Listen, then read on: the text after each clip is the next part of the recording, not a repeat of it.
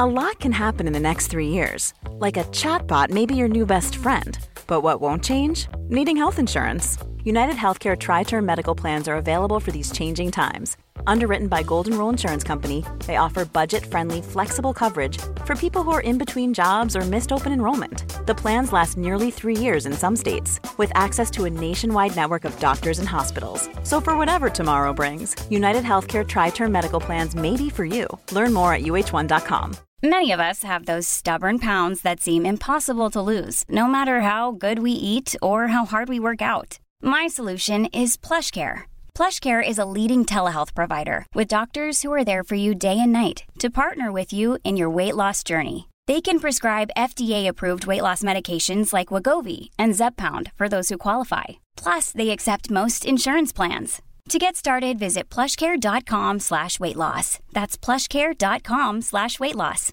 I'm Sandra, and I'm just the professional your small business was looking for. But you didn't hire me because you didn't use LinkedIn jobs. LinkedIn has professionals you can't find anywhere else, including those who aren't actively looking for a new job, but might be open to the perfect role, like me.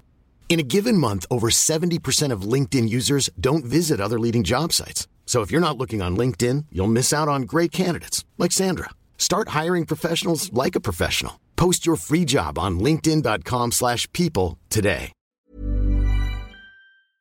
Veckans sponsor är Telia. Hos Telia samlar man mobil, bredband, IT-support, mobilväxel, allt som gör företagande enkelt. Och det är just det här att samla allt på ett ställe, att ha någon att vända sig till när det inte fungerar, det är Telia. Ett exempel på vad som inte är Telia, det är ju som när jag lyckas boka förmötet för en poddinspelning med Finansinspektionen till efter själva inspelningstillfället. Eller när jag här, här året var liksom, fick för mig att jag skulle börja springa, så jag är liksom ute och springer taggad, träffar en kompis som säger så du Jan, på måndag ska jag springa ett lopp.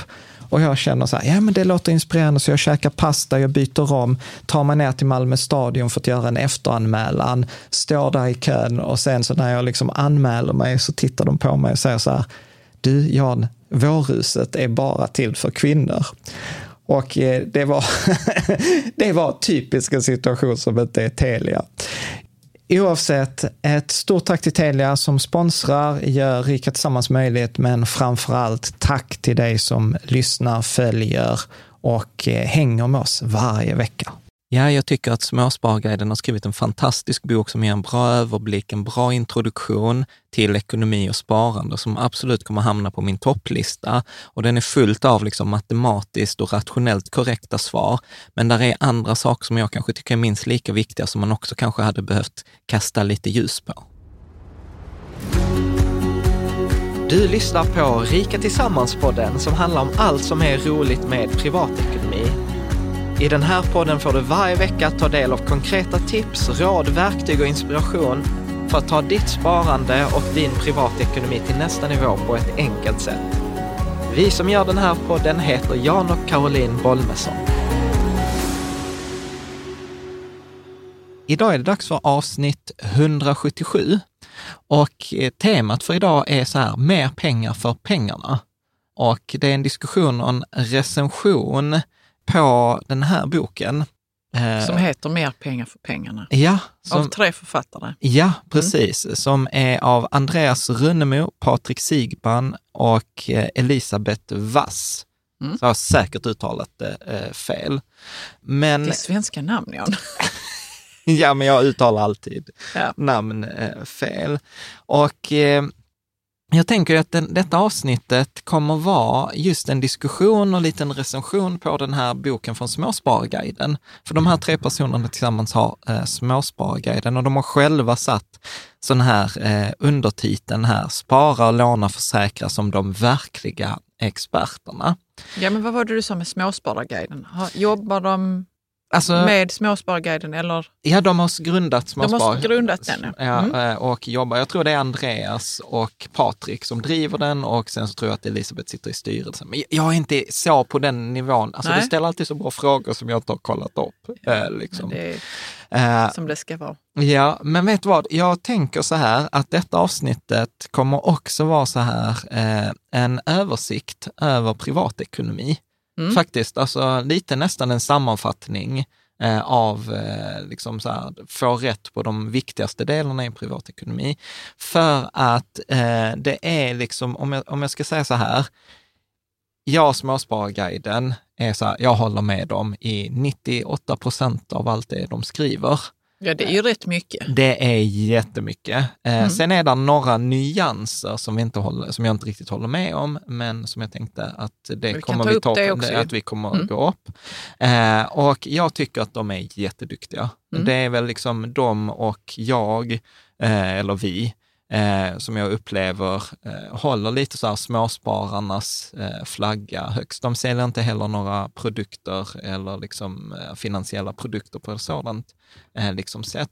Jag ska också vara tydlig med att detta är inget samarbete. Vi har inte något samarbete. Jag tror inte ens de vet om att vi gör den här avsnittet, så jag tror det kommer bli lite överraskning för dem. Mm. Men det är så att de släppte den här boken nu under året och jag, 2020. Eh, precis, jag köpte den på Bokus, så jag har inte ens fått den som recensionsexemplar. Nej, för ibland kommer den hem lite böcker. Ja, ibland kommer det hem Men väldigt... varför köpte du den? Varför tyckte du att den För verkade att jag har, men så här, för att göra en lång historia kort, alltså jag har alltid sett vad Småsparguiden gör och jag tycker de har varit duktiga, men så har jag tyckt att det är lite jobbigt för att även om vi inte är konkurrenter så säger vi till stor del samma grej och de gör sin grej och jag, jag har pratat på, på Twitter några gånger med Patrik Ja. Eh, liksom, och där, när det har varit vissa saker så har vi liksom delat info och jag har tipsat dem om vissa grejer som, ja men Mm. detta skulle ni kunna kolla upp och sånt. Men, men eftersom vi är så lika så känner jag alltid så här, du vet när de ibland har gjort någonting så tänker jag så här, fan det där skulle jag ha gjort innan dem. eh. Och, Ja. sen, och sen är det lite roligt, för detta ska jag säga, Patrik och Andreas, Det är väl en på- komplimang till Ja, dem. och jag Mm. vet också att de har också gjort så att de har läst saker på, hos mig som sen har dykt upp hos dem och i boken Ja, faktiskt. bra. Ja. Mm. Så att, eh, eh, sen så vill jag också vara så här tydlig med att eh, alltså boken är riktigt bra. Mm. Det kan jag säga redan, eh, redan nu. Om man tittar på, på Youtube på oss så ser den ju ut så här. Vill visade du i den innan? Jag visar, jag har den på skärmen bakom mig Ja, du också. har den på skärmen. Det var bra att jag inte ser skärmen som vi har bakom oss. Ja, eh, men för dig, för dig som lyssnar, eh, så, så man kan köpa den här på Adlibris eller liksom Bokus. Men eh, nu har jag, liksom, så när jag har läst den här boken, Mm. så har jag helt enkelt plockat fram, liksom, det är mina understrykningar. Så, så kan vi egentligen säga att denna, den, detta avsnitt kommer vi gå igenom. Liksom, Dina understrykningar. mina understrykningar, det som jag stack ut för mig, det var två, tre grejer som jag tänkte så här, detta var riktigt bra, det kommer jag sno eh, från dem. Mm. Och, eh, det, så det är mina tankar och guldkorn. Och den här boken kommer hamna på min liksom, så här, topplista. Eh, Ja. Om jag ska rekommendera folk. Så här, roligt. Ska du få eh, Ska du liksom komma igång med ekonomi så är den liksom en översikt. Ja. Men Eh. vet du vad, jag misstänker att du inte kommer säga någonting om de här författarna mer. Nej, Nej, jag får bara säga det här nu då. För det står på baksidan här att de eh, småsparare, ja precis, Andreas Runemo och Patrik Sigebarn hade välbetalda jobb inom finansbranschen när de upprördes över hur rådgivare lurade in folk i dyra fonder. Eh, och Elisabeth Wass har då också varit en upprörd pensionsexpert. Ja. Eller är kanske. Mm. Men det står också att de eh, har avslöjat skandalbolaget Allra och fått konsumentpriset Blåslampan. Ja. Det får vi också säga. okej. Ja. jag hade inte med det som... men, Jag tycker ju det är en ganska stor merit, även om ingen blev fälld i Allra nej. rättegången vad jag Nej, vet. precis. Ja, men bra. Det, det som jag uppskattar eh, boken och de för är att det är mycket hänvisningar till studier och jag gillar ju att läsa sådana här, för att nu har ju de gjort jobbet, för att jag vet ju hur sjukt noga man måste vara när man skriver en bok. Så de har ju Och letat... ha med studier och Ja, ja, referenser. ja, ja, Mm. precis. Så de har ju letat upp nya referenser på studier som eh, liksom så här, återigen överlapp till 95 procent på studier vi hänvisat, men de hade hittat några som inte jag har läst eller Ja. några som jag inte har sett, Ja. så det var kul. Sen är det väl det som skiljer oss, tänker jag, dig och mig från, eh, från Småsparguiden, är ju att de vågar ju kritisera saker rakt ut. Alltså de, de har ju någon sån här lista som är så här, årets finansiella skitprodukt eh, och, och sen så rankar de och sen gör de, ger, ger de sig på, var, detta är skitdåligt och liksom, eller som allra. Medan jag har ju mer en policy, så här, jag kritiserar väldigt sällan någonting, utan då är det hellre att jag inte pratar om det. Ja, det är vid några tillfällen som du har kritiserat med namn Ja. och, och, och det kan man göra. Ja, Det kan jag- man, Eh, inte med, med så- personer, nej. utan med liksom det bolaget kanske. Ja, alltså vi gjorde det så när Danske Bank gav sig på sällan. oss, då, då, då fick de ju Ja. eh, liksom Ja, och en några sådana här rådgivare och sånt också. Ja. Men jag tycker det är helt okej. Ja, så att, så att jag tycker det tycker att de gör, eh, de gör bra. Så att, och det som också är skönt i boken, att de är inte så mycket så det beror på, utan så här, de säger så här, gör så här. Mm. Och det är väl liksom, för att, och jag gillar det vet du, för att idag så känns det som att det är så mycket som är mellanmjölk. Att det är så här, det beror på, gör så. Och, och, Ja, eller att man måste eh, ta egna beslut som man tycker är svåra att ta. Om man Ja. har läst boken eller lyssnat på podden eller ja. på experten för att få raka bananer och så har det inte blivit det. Nej, nej, precis. Och jag tänker så att alla håller med om så här, ja men ska vi åka på semester? Då kommer alla hålla med om. Ända tills jag säger så här, men jag vill åka på semester till Venezuela eller Nordkorea. Vet, plötsligt när man blir specifik, det är då man kan kritisera. För det är ingen som kommer kritisera vi åker på semester. Nej. Men när man börjar gå ner på liksom detaljer så, börjar, så blir det mycket enklare att ha en åsikt. Hur Eh, kom Venezuela fram där? nej, men jag vet inte. Jag vill, tänker också att jag det ville är ett- dig. Ett ganska jobbigt resmål faktiskt. Ja. Ja, Eh, jag blev chockad. Ja, precis.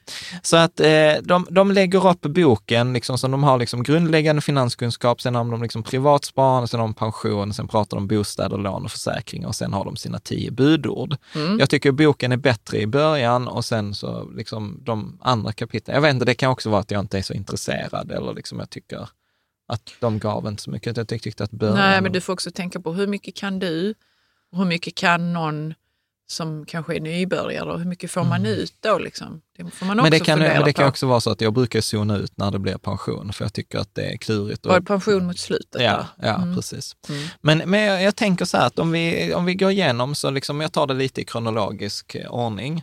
Så, Ja. så någonting som stack ut, och så tänker jag också att man kan, om man lyssnar på det här så kan man använda detta. Har man följt oss så är det typ ingenting nytt här. Då är det liksom det här guldkornet som jag har ett par minuter in, men då kan man kolla i innehållsförteckning om man bara Säg nu bara vad du- du vill säga. Håll inte på och säg att man inte ska lyssna. Om. Jo, jo, jo nej, nej, men jag menar att man kan, att det blir, eh, att man kan ta så här checkpoints, att detta är så här bra grejer att ja, veta. Okej, men säg det Ja. nu då. Jo, men så till exempel i början av boken så pratar de ganska mycket om problemet med rådgivare. Mm. Och att liksom någonting som jag också pratat om rätt länge, att när du träffar någon på banken så, så brukar man ju säga så här, men din personliga bankman, men den personliga bankmannen är inte mer än min personliga liksom, tv-rådgivare på Mediamarkt. Alltså liksom.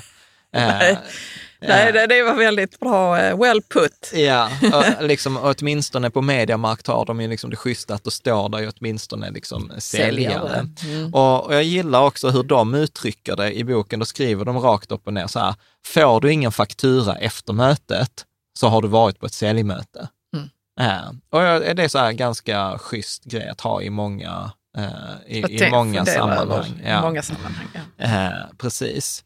Och sen så hade de hittat någon studie, den har jag faktiskt missat, eh, som är av professorerna Harry Flam och Roine Westman från 2014, som skriver då att vi svenskar betalar i genomsnitt 5 miljarder för mycket i fondavgifter. Liksom. Alltså att det är där vi betalar mm. för saker som vi inte får, får valuta för. För att vi går på den här myten att vi tror att ju dyrare desto bättre. Som kan stämma. Alltså en Tesla- ibland, ja. en Tesla till exempel är bättre än många andra bilar och den är dyrare. Men när det gäller en fond så är det liksom ingen, ingen korrelation mellan liksom dyr fond och en bra produkt, utan snarare tvärtom billig fond, billig, eh, liksom eh, bra, bra, eh, vad heter det? Ju billigare desto bättre. Mm. Punkt. Mm. Sen hade de hittat en annan studie som de refererade till också, att där gjordes en studie av eh, KTH, eh, Kungliga Tekniska Högskolan, på uppdrag från Konsumentverket, som visar att de som inte hade fått hjälp av en finansiell rådgivare hamnar ofta i ett bättre läge än de som har fått det. Och detta sa Berglund 2014. Eh, när, vid vilket tillfälle då? Vad är det de Nej, gör men då? att, är det att, när att de ska placera som, sina ja, sparpengar? folk som placerar sina eller? sparpengar och fått hjälp av finansiell rådgivare, liksom, eh, Då får de sämre råd, eller dyrare Ja, råd eller om, nu blir jag osäker om jag inte har skrivit fel här, visar att de som inte har fått hjälp av en råd hamnar i bättre läge än de som har fått det. Ja. Då var det fel. Nej, jag tror att det var rätt. Nu, jag känner att jag kanske får... Ska vi bara pausa och Nej, vi ska inte pausa det. Så viktigt är inte detta. Men poängen var i alla fall så att värdet, värdet av, så, och jag håller helt med om, att värdet av en finansiell rådgivare som är gratis, som du inte betalar på en faktura, är Ja. högst begränsat. Och detta gör det ju klurigt, för då säger folk, ja, men, så här, men du är ju en expert, eller du ger ju råd. Och då har jag tänkt jättemycket på det här, att man behöver ju skilja på vilka råd man lyssnar på, för alla råd är ju inte dåliga. Men då, Även om de kommer då gratis eller? ja, ja, till exempel. Mm. Men vet du vad, där, där tänker jag mycket på så att jag försöker nu med dela upp råd om framtiden och råd som har liksom historiskt hållit upp. Alltså Ja, som ja. har funkat historiskt. Och då tänker jag så här, råd om framtiden, skit i dem. Alltså där finns så mycket studier, jag tror de inte tog upp dem i den här boken, men det finns studier som har gjort så här, man gick igenom 6 000 förutsägelser, man gick igenom 17 000 olika analyser etc. och konstaterade att experter har i genomsnitt rätt 48 procent av fallen. Så att det är bättre, och vi, gjorde, vi har gjort ett eget avsnitt på det temat som hette så här, eh, singla hellre slant än att lyssna på en expert. Yeah. Mm. Så att man ska inte lyssna om råd som gäller framtiden, det vill säga vilka fonder ska du köpa, vad kommer att gå bra imorgon, ska man ha ny teknikaktier, bitcoin kommer att gå bra, guld kommer att gå bra, whatever kommer att gå bra. Ingen, inget, inget värde i att lyssna på det. Mm. Däremot, så i avsnitt med Nassim Taleb, kommer du ihåg att vi pratade om den här Lindy-effekten? Nej, jag kommer inte ihåg Lindy-effekten. Lindy-effekten. Och Lindy-effekten kom ju från det här att det var skådespelare på Broadway som satt på ett fik utanför någon, någon så här stor Broadway-teater som hette då Lindy. Och så konstaterar de att de pjäserna som har gått väldigt länge på Broadway tenderar vara uppbokade väldigt lång tid framåt. Så att man kunde liksom dra en slutsats av att ju längre något har varit relevant historiskt, desto längre tid kommer det vara relevant framåt. Mm. Förstår du? Var det ett exempel? Ja, det, nej, det? var så man kom fram till Lindy-effekten. Lindy-effekten. Ja, och, och Mm. då säger man till exempel så här, ja men råd som filosoferna i, på, i Grekland för 2000 år sedan sa, eller Sun Tzus så här Art of War, som är liksom aktuell för 2000 år sedan, är aktuell idag, Mm. kommer sannolikt vara aktuell om 2000 år. En artikel på Då är Afton... det som en Lindy-effekt. Ja. Mm. En, en artikel på Aftonbladet som var relevant för liksom en timme sen kommer högst marginellt vara liksom relevant i en timme till. Ja. Så därför gillar jag ju råd som har bestått tidens tand. Det är Mm. därför en av mina andra favoritböcker är den här eh, Rikaste mannen i Babylon. Mm. För den är skriven 1926. Kan man skriva en bok med finansiell rådgivning 1926 som är aktuell 2020 så lär den vara aktuell om 100 år ytterligare. Mm. Här, kan man ju, eh, här, kom, här kan man ju diskutera också så här, att jag tror att deras bok kommer vara inaktuell om ett par år. Den är väldigt skriven för 2020, men det är ju en annan eh, effekt. Eh, Vänta så, här nu. Det var väldigt intressant att du sa det. Hur Ja. kan det...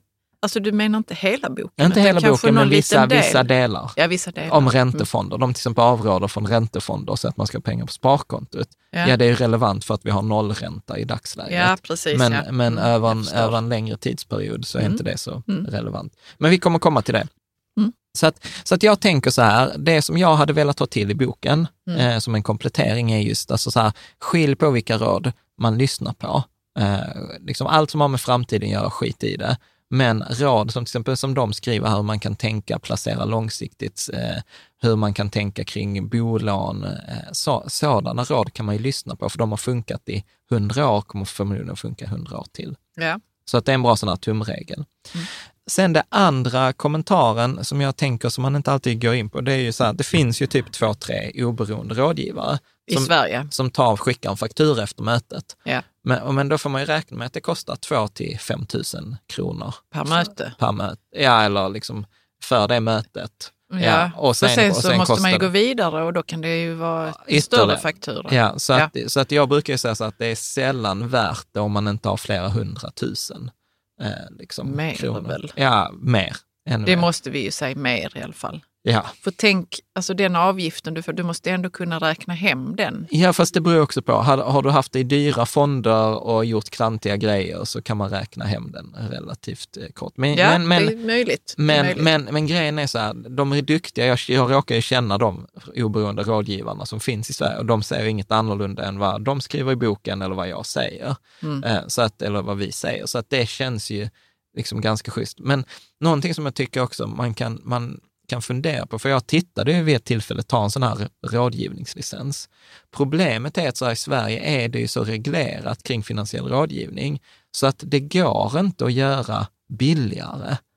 Alltså så det kostar, det kostar liksom massa, hund, ja, det är flera hundratusen ansöka om tillståndet, att upprätthålla det tillståndet, att uppfylla alla kraven etc. Så att, det är väl ett heltidsjobb att ja, ja, ja. eh, Alltså man, man kan inte, man kan inte bara göra det på deltid. Nej, precis. Liksom. Mm. Sen, tycker jag det ganska in, ja, sen tycker jag det är ganska intressant att i England till exempel har det blivit, har ändrade man lagstiftningen just om att man var, var tvungen att vara mer transparent vid rådgivningssituationer, vilket gjorde att man skapade lagmässigt eh, förutsättningar för att ha oberoende rådgivare.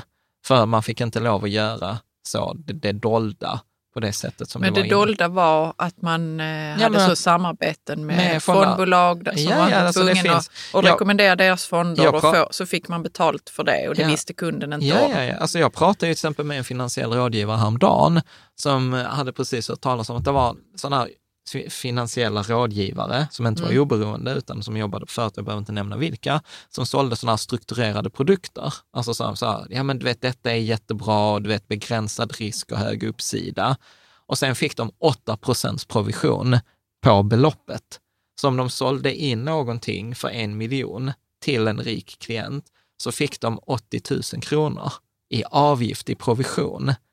Fast förstår du, Ja, för och vad en, tänkte de sen att, det, att, att kunden skulle liksom känna eller tänka när den fick veta så att okej, ja, den men här det, man, det har... döljer man. Det döljer man över en femårsperiod i, i den där produkten. Alltså Jag jättesvårt. förstår att man döljer det. Ja. Så, och det är ju inte Ja, det är man måste veta hur man ska titta för att få Ja, se det vad detta har kostat Ja, en. Liksom. ja. Mm. Och sånt är ju svineri. Och det, det har man liksom i andra Ja. länder förbjudit. Man tittar på att göra det i Sverige, men man är inte där än. Liksom. Men det, upplev, det förstår jag att de här Andreas, Patrik och Elisabeth är upprörda över att Ja. så går det till i fin- finansbranschen. Ja, ja. Att man eh, Ja. ger inte eh, människor de Ja. råden som är bra Jag för dem finan- utanför Ja. finansbranschen. Jag tror Finansinspektionen nu med tittar man skulle förbjuda viss typ av sådana här produkter. Mm. Ja. Mm. Ska du läsa nästa utdrag från boken? Detta tyckte Ja, jag var ganska nästa kul. utdrag. Vårt första utdrag. Ja, förlåt. Vi föreslår att du tänker på aktier som ett, en slags företagslotter där den stora skillnaden mot trisslotter och stryktipset är att du i genomsnitt vinner mer än du förlorar. Att som 35-åring ha pensionspengar i räntefonder är som att elda upp dem. Ja. Jag tyckte detta var Ja. ganska kul av två anledningar. För det första så har jag aldrig tänkt på aktier som företagslotter, men jag, jag undviker ju direktinvestering i aktier. Jag får jätteofta så här, vad tänker du om det företaget? Jag har bara så här, ingen aning, jag köper inte, jag direktinvesterar inte i aktier. Nej. Men nu med, så tack Andreas och Patrik och Elisabeth, från och med nu ska jag svara så här, jag köper inte företagslotter. Så ska jag börja svara. ja. Eh, ja, bra. eh, och, och sen, och sen gillar, så, så jag var så här, Eller det är som att köpa en trisslott. Kan Ja, fast du säga. Men vinner då ju, kommer du- folk att säga nej det är det ju inte. ja, då vinner. har du i diskussionen igång. Eller? Ja, precis. Men sen är det ju liksom, okej, ja, sannolikheten att vinna på en trisslott är väldigt, väldigt låg. Ja. Men alltså sannolikhet, detta är ju andra studier som inte de har hänvisat, men detta är liksom tips till er nästa version. Det finns studier som visar så här att i, i två av tre fall, eh, alltså i 66 procent av fallen när du köper en direktinvesterande aktie så kommer du underprestera mot index. Mm. Att den kommer få sämre. Och jag tror att det till och med var så här, i 20 procent av fallen kommer du förlora mer än 75 procent av pengarna. Ja. Så att, så att, eh, och, och det är typ bara 4 procent av alla aktier som har stått för typ majoriteten av all uppgång. Så att där ligger ganska mycket i det här resonemanget kring företagslotter. Så att eh, ja, jag, jag, gillade, jag gillade det. Mm. Eh, vad tänker Ja, du? nej, men jag tänkte på det att det kan vara så att folk tycker att man är lite, om man nu ska ha den här diskussionen, Ja, att folk kan tycka att man är lite dryg för att det är inte alls samma liksom, risk att förlora pengarna som att när man går och köper en lott. ja. Eh, Nej, men och så, så, bara kommer jag in i de tankarna att, att ja.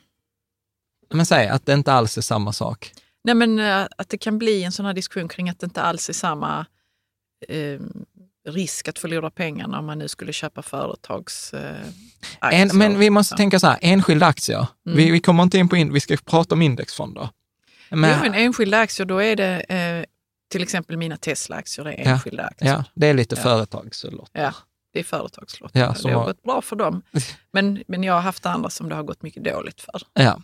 Precis. Och sen eh, så pratar de om att ha pensionspengar i räntefonder som 35-åring är att elda upp dem. De är inte glada för räntefonder. Nej. Och detta är väl en av de grejerna som jag inte riktigt håller med om, som vi ska liksom eh, prata, eh, prata kring. Mm. Och de gör då en jämförelse då, eh, som de kallar för ränteplaceringar. Och ränteplacering, där buntar de ihop sparkonton, obligationer, korta och långa räntefonder och sådana peer-to-peer-utlåning. Så de säger så här, liksom, allt som är lån är ju, liksom, kan man liksom säga. Sen spelar det inte så stor roll om det är lån till stater, lån till företag, lån till andra privatpersoner. eh, Ja, för eller- lån till banken. Räntor är... Län- Räntor är ju lån. Man lånar ut Man sina lånar pengar. ut sina pengar och man får en ränta. Mm. Eh, och så säger de så här, liksom, att över tid så kommer då aktier alltid ge liksom så här, fy, ungefär fyra gånger mer i slutändan än, äh, än liksom räntefonder. Därav den här att, att investera i räntefonder som en 35-åring är att eh, liksom, som att Elda upp rän- sina elda pengar. dem. Och jag håller med om det. Alltså så här, långsiktigt sparande över 10 år, är man 35 år och har pensionssparande tills man är 65 så ska man inte ha det i räntefonder. Alltså det, det är ingen invändning, ingen invändning där. Eh, men eh, det vi är, det är överens om, det är så här, kortare än två år, ränteplaceringar. Eh, längre än tio år, aktier. 100 procent Det, överens. det är den perioden man tänkte att man skulle ha pengarna där ja. ute. Precis, alltså de, de fokuserar väldigt mycket på sparhorisonten. Och det är ju någonting jag också varit inne på på våra workshoppar, att den viktigaste faktorn är tiden. Tiden avgör liksom, eh, vilken avkastning du kommer få, tiden avgör hur stor risk du kommer ta. Ju längre sparhorisont, desto mer risk, desto, liksom, eh, desto bättre avkastning, desto lägre risk. Mm. Eh, och de invänder, vilket jag också håller med om, att liksom när man ska bli, gå till en finansiell rådgivare eller öppna ett konto på Lysa så får man så här frågor. Hur stor sannolikhet bedömer du att du behöver pengarna inom ett visst år? Hur stor del om börsen faller? Väljer du hellre 10 000 med 100 procent säkerhet eller 20 000 med 50 procent? Alltså, du vet, sådana här svåra frågor som är liksom, de är svåra till och med för mig. Jag gör ju så, alltså så helt ärligt, jag brukar ju skippa dem. Jag bara trycker så nästa, nästa, nästa, nästa. Och sen ställer jag in det jag vill ha själv. Därför du inte vill Nej, för jag dem. tycker, jag tänkte tycker de är, de är liksom irrelevanta. Men, men det är krav på dem att de ska finnas. Men det, då kommer liksom där de har liksom ett resonemang kring att däremellan, kortare än två år ränteplaceringar, där brukar jag säga sparkonto, eh, rakt upp och ner. Och sen tio år, längre än tio år, 100 procent aktier. Och sen en däremellan en kombination. Och det roliga är, där tog de också upp, där precis som jag alltid tjatar om, att tumregel, som inte är en naturlag, är 10 procent i aktier per år i sparhorisont. Ja, var, var kommer det ifrån egentligen? Jag, jag, du, jag vet inte, jag fick den frågan också. Jag har läst den och jag tror inte de har en källa på det heller.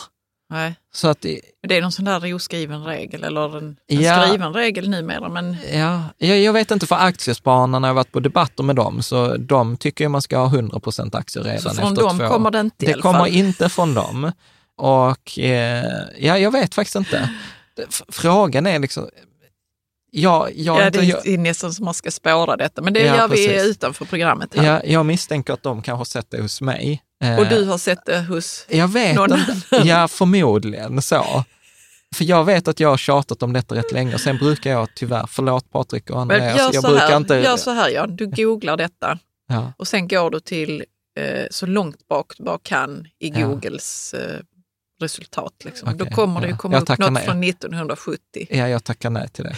Jag kan göra det. Ja, du kan göra det. Jag kan göra det. Eh, bra. Och, och här kommer de med, med ett ganska intressant resonemang. Då säger de så här, på fem år, ta 50 procent sparkonto och 50 procent global aktiefond. Okej. Varför ska man ha hälften av sina pengar på sparkontot? Jo, är men- det, handlar det om någon slags buffert? Nej, nej, Eller men, är det, nej men det är detta, det är detta som jag tycker är ganska intressant, alltså Mm. som, som man skulle kunna diskutera. För att vi är överens om så här 10 procent i aktier per år, sparhorisont, Ja. eller hur? Då har vi Ja. fem, fem år, 50 procent Ja, i ja aktier. visst, visst. Vad gör vi med resten? Då ska ju resten vara ränteplaceringar. Ja, och det tycker de är att elda upp pengarna. nej, För en nej. 35-åring Ja, men det är på ett 30-årig på sparhorisont. 30 år. Spar- Förlåt mig. Ja, Förlåt mig. Ja. Så vi pratar på en femårig sparhorisont här. Ja. Det som jag tycker är spännande, det är att de säger sparkonto och inte en kombination av räntefonder. För här hade jag, liksom, om den globala aktiefonden är vi helt överens om. Men här skulle de säga sparkonto medan Har du inte jag... skrivit här i varför? Jo, jo, jo. Ja, okej. Eh, och Vi kommer och- till det då. Ja, ja nej, men deras resonemang är så här att i dagens räntemiljö, så, så här, du, du får på en ränta, för exempel Lysa säger själva, för den förväntade avkastningen på deras räntedel är 1 procent om året. Liksom. Och då har du en risk i de här räntefonderna, medan du kan få 1 procent om året på sparkonto med insättningsgaranti utan risk. Varför ta den ökade risken utan att få mer i avkastning? Mm. Det är så resonemanget går där. Samtidigt så blir jag så här att det är ju lite mycket en anpassning till dagens läge. Medan jag vill ju gärna, liksom, även om jag har fem års spar och sånt, så vill jag kanske ha en portfölj som funkar i 30 år utan att jag, om jag ändrar mig. Mm. Så att eh, det är Och inte du har ju fel. helt andra... Vad, vad tänker du att man ska göra med sin, med sin, alltså med sina hälften av pengarna? Ja, ja, 5%. ja, ja, jag hade ju haft dem, jag hade ju haft en kombination kanske 20 procent eh, på bankkontot och sen 30 procent hade jag spritt i olika typer av räntefonder. Så inget eh, annat... Eh, Vadå? inget guld eller något sånt? Nej, nej, det kan vi diskutera. De är inga Inte fans av guld. Nej, men det hade jag, precis. Nej, det, jo, det hade jag haft, men då hade jag plockat den från lika delar från aktierna och från sparkontot. Mm. Så att, eh, så Okej, men mm, ja. vad? Jag, eh, förlåt, men jag zon, zonade ut lite när du berättade om varför de tyckte att man skulle ha 50 procent på sparkontot. Ja. Ja, men för, då, då, men, Men det var bara något komplext som hände där. ja, så. kan Nej, du bara men, säga det i en enda mening? nej, men de säger så här att det är inte värt risken. Det är inte värt risken och det eh, bekymret för den avkastningen. Det är egentligen vad de säger, att det är mycket enklare. Men om man skulle räknat på det, Ja, för det är en sak att ha det teoretiskt ja, och säga att det här verkar vara ett bra upplägg jag tycker Ja. nog så här. ja. Om man räknar på det, vad, hur tror du det Men det är jättesvårt att räkna för du, du måste göra antaganden om framtiden. Ja, och det är bara fem år. Ja, Det är väldigt kort period Ja, egentligen som man har pengarna Ja. där ute. Men om man inte tar om man inte tänker på framtiden utan man tittar så på olika femårsperioder bakåt. Ja. Skulle det verkligen vara så att det inte är värt Nej, att nej, ha pengarna? Nej, historiskt, historiskt sett så tror jag inte att detta hade varit optimalt. Men du Nej. kan ju inte heller titta i backspegeln och köra framåt. Jag ska säga så här, i 2020 är detta ganska klokt. Mm. Eh, tittar vi, eh, kommer detta vara klokt 2025, 2030? Det vet vi Not inte. so much, liksom. Det, det, men det vet vi inte. Däremot så var det faktiskt så att eh, jag, jag, de, gjorde- de skrev faktiskt en grej som inte jag har tänkt på. Eh, och de gjorde en reflektion kring statsobligationer, där att man lånar ut eh, pengar till stater. Ja. Och det är ju ofta de man vill ha, för det är de som är säkra, för en stat går sällan i konkurs, även om det har hänt. Mm. Liksom. Och då säger de liksom så att om man tittat på en 30-årsperiod, så har faktiskt ibland statsobligationer varit mer riskabla än aktier.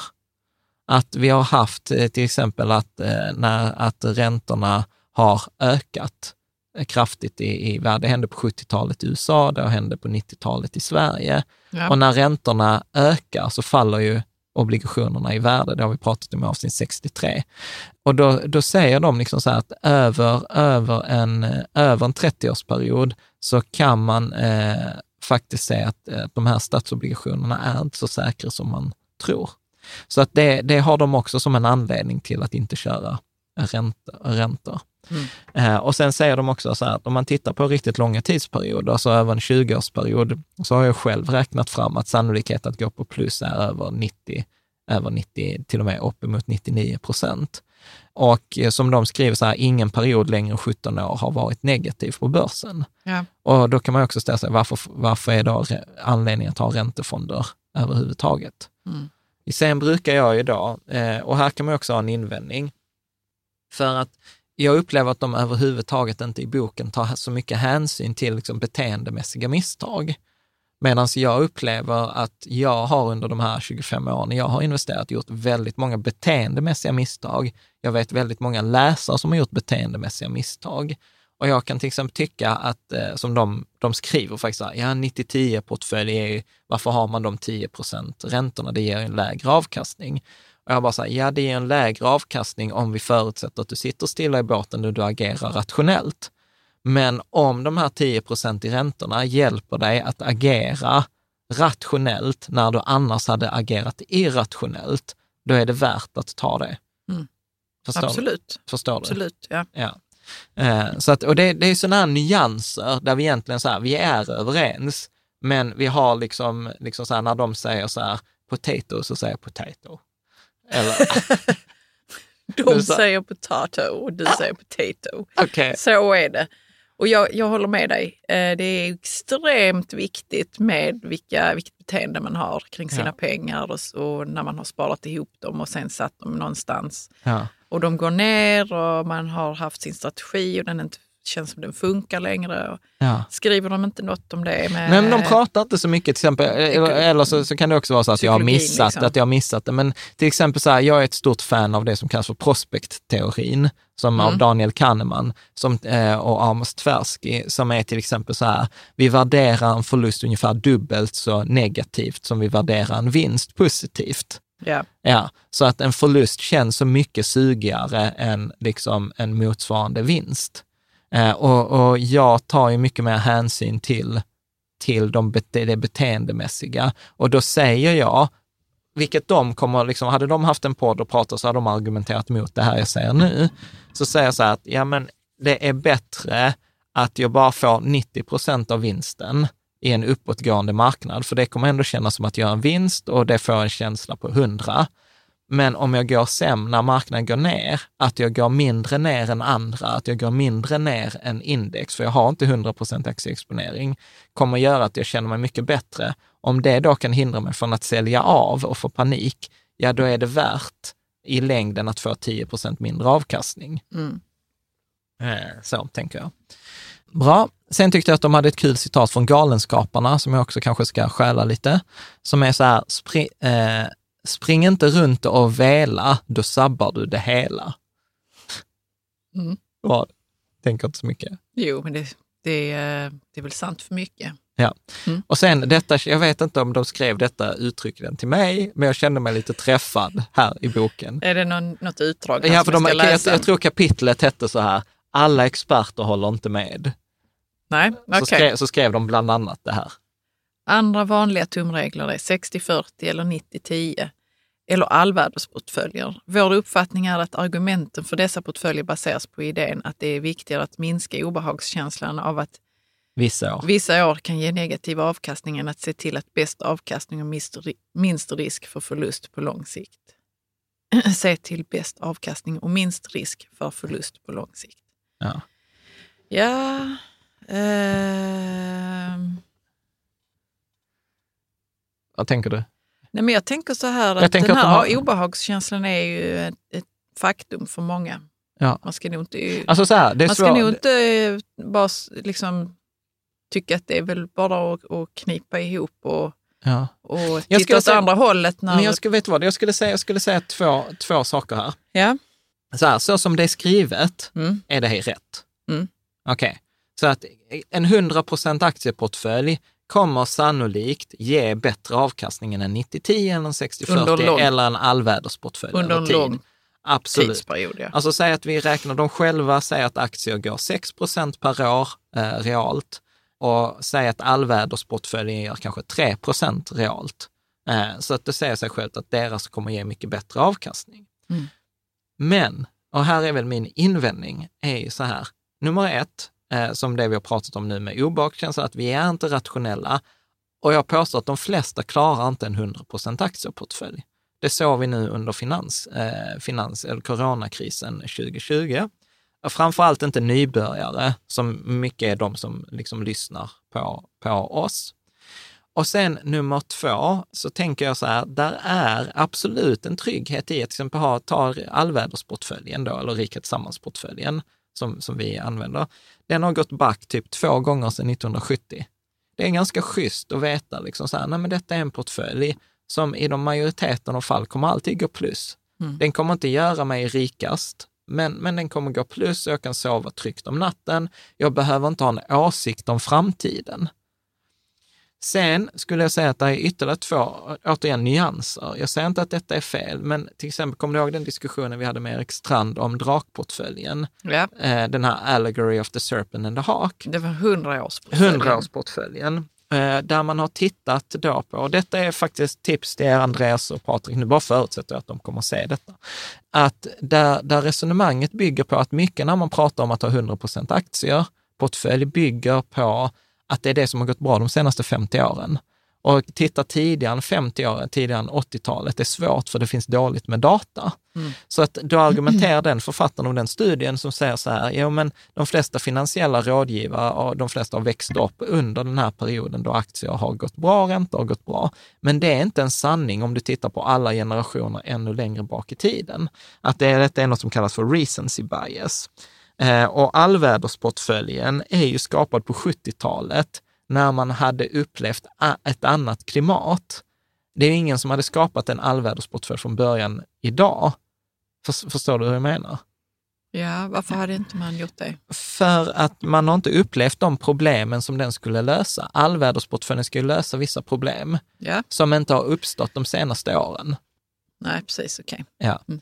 Eh, så att det är den andra invändningen, är att liksom, okay, så hur, hur vet vi att aktier kommer gå bra de kommande hundra åren? Mm. När, när man tittar att en 100 procent aktieportfölj har inte varit det som är mest optimalt. Nej, jag, blev faktiskt, jag kommer ihåg att jag blev lite chockad när vi pratade om de här eh, var det, hundra åren tillbaka. Ja. Om hur det egentligen har sett ut, att det inte har varit aktier som har varit bäst. Nej, aktierna har ju majoriteten av avkastningen, om man tittar på en hundraårsportfölj, kommit de senaste åren. Ja, men vad var det innan som funkade bättre? Ja, men det har ju varit, till exempel, det har ju varit olika typer av räntefonder, det har varit guld, det har ju varit råvaror. Alltså det har varit massa av de saker som de direkt avråder från. Mm. Och där känner jag mig, jag känner mig inte så trygg i att säga så här, aktier kommer vara det bästa tillgångslaget för att få max avkastning de kommande hundra åren. Jag tycker, nej, jag, inte kommande hundra åren i alla nej, fall. Jag tycker, det, jag, tycker det är, jag tycker det är svårt. Mm. Jag tycker det är svårt. Så att där nej. är ju mitt argument mot, mot det här. Och, och sen mitt sista argument mot just eh, det som de skriver, liksom att ha, att ha 100 procent aktier, är ju att här bygger de ju faktiskt, det känns som att det underliggande antagandet i denna boken och de flesta andra sammanhang är att ju, bättre ju mer pengar desto bättre. Mm. Och jag är så här, jag har också levt i det paradigmet väldigt länge och utgått från att ju mer avkastning desto bättre. Men numera, både när vår ekonomiska situation har blivit bättre, när vi umgås med folk som har väldigt, väldigt mycket pengar, så inser jag också så här, nej men där finns situationer då vinstmaximering inte är det övergripande målet. Och jag har tänkt på detta jättemycket efter avsnitt med Erik Strand. Kommer du ihåg, där han inte ens tog ner detta resonemang från att handla om att oh, man ska ha massor, massor pengar. Där han säger så här, månadssparar du på ett sådant sätt att det kommer vara massor av pengar kvar när du dör. Ja, och du då, har, missat saker i livet. och du har missat saker mm. för att oftast har vi fått göra en ansträngning för att tjäna de pengarna. Då mm. kanske vi inte har använt den tiden eller de pengarna på det mest resurseffektiva sättet. Så att jag vänder mig mot till exempel så här, och som finansiella rådgivare som jag har pratat med, där, där en av de grundreglerna är också så här, har du vunnit spelet, sluta spela. Det vill säga att om jag har de pengarna jag behöver för att leva resten av livet, mm. varför ska jag då ta 100 procent aktierisk? Ja. Förstår ja, det, och då, och då, det hade varit så himla spännande att höra vad de säger om detta. Vi får bjuda in dem. Ja, vi får nog bjuda in dem. Ja, eh, om de vill. Online då på Zoom eftersom nu är det ju... Eh, ny så här coronavåg ja.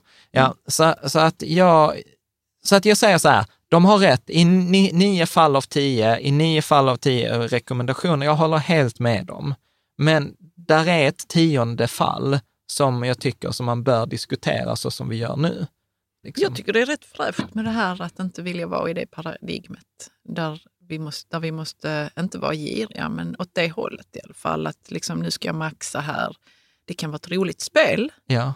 Men, Mm, men, men- om, man, om man kanske inte vill spela det spelet exakt så, så är det ju, jag tycker det är fräscht. Ja, och det kommer lite från, alltså det är det som vi pratade om förra veckan, här också med, eh, eller inte förra veckan, för två veckor sedan, om det här med överflöd versus brist, bristperspektiv.